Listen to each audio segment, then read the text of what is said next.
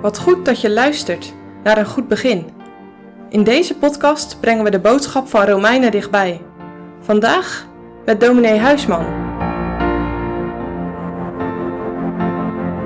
Wij lezen vandaag Romeinen 8, vers 23 tot en met 25. De gelovigen zuchten. En niet alleen dit, maar ook wij zelven die de eerstelingen des geestes hebben, wij ook zelven, zeg ik, zuchten in onszelven, verwachtende de aanneming tot kinderen, namelijk de verlossing onzes lichaams. Want wij zijn in hopen zalig geworden. De hoop nu, die gezien wordt, is geen hoop. Want hetgeen iemand ziet, waarom zal hij het ook hopen? Maar indien wij hopen hetgeen wij niet zien, zo verwachten wij het met leidzaamheid. Misschien heb jij er ook wel eens last van. Heimwee.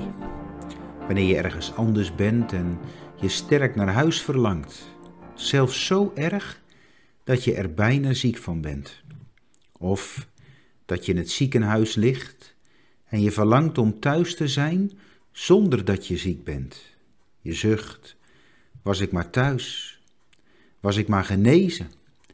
Het zijn maar eenvoudige voorbeelden om te proberen uit te leggen wat Paulus bedoelt als hij schrijft over gelovigen die zuchten, over gelovigen die verlangen.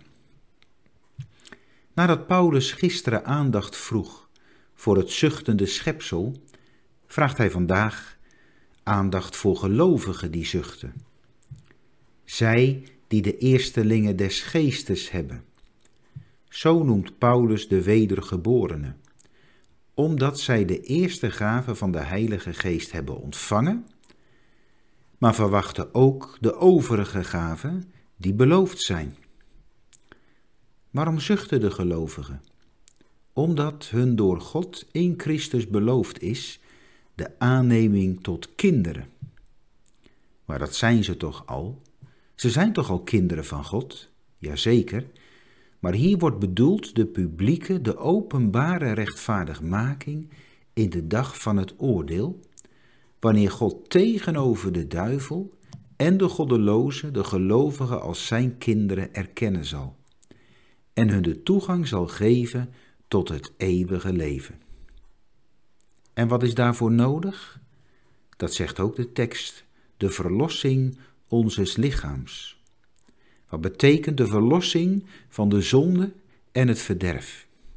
Bedoeld wordt dat hun lichaam in de dag van de opstanding gelijkvormig gemaakt zal worden aan het verheerlijk lichaam van Christus, om dan God zonder zonde en beperking eeuwig te kunnen dienen. Daar zucht de gelovige naar, daar verlangt de gelovige naar, daar heeft de gelovige heimwee naar, daar hoopt zij op. En jij? Hopen. Niet in de betekenis zoals wij vaak gebruiken. Ik hoop dat het maar zo is. Daar schuilt altijd iets in van onzekerheid. Het is maar de vraag of het gebeurt. Maar dat is niet de Bijbelse hoop. Dat is niet de hoop van de gelovigen zoals Paulus schrijft.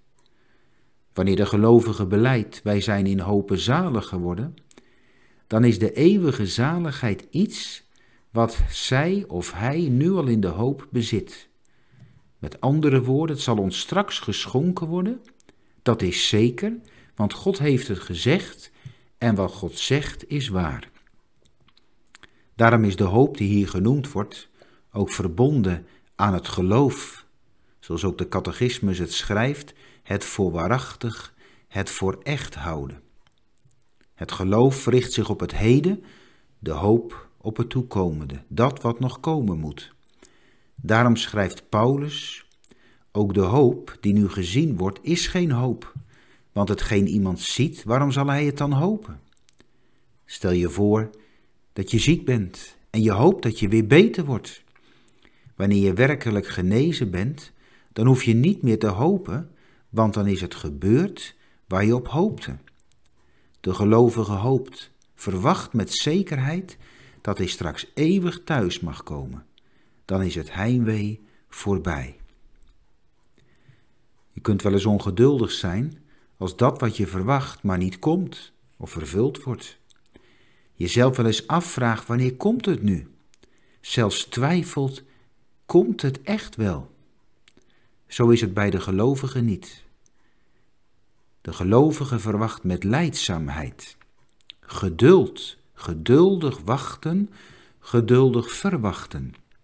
Niet een stoïcijnse gelatenheid, het zal wel een keer, een koele lijdelijkheid, nee, maar een verwachten met warmte, met zachtmoedigheid, een verwachten waarin niet vooruit wordt gegrepen naar wat God beloofd heeft, of wordt ingedrongen wat God nog bedekt houdt, maar een geduldig lopen van de loopbaan die God voorgesteld heeft, vertrouwend wat God beloofd heeft, dat Hij dat ook doen zal. Een kerkvader verwoordde het als volgt: De leidzaamheid roept u om al uw kracht te verzamelen, ten einde uw natuur, zondige ongeduld, eronder te houden, Gods weg goed te keuren en niet te vertragen in het kinderlijke gebed, of de Heer waar wil maken wat Hij beloofd heeft. De hoop verzekert de gelovigen dat zij zeker aan de kust van de eeuwigheid zal aanlanden. Hoe staat het met die hoop in jouw leven?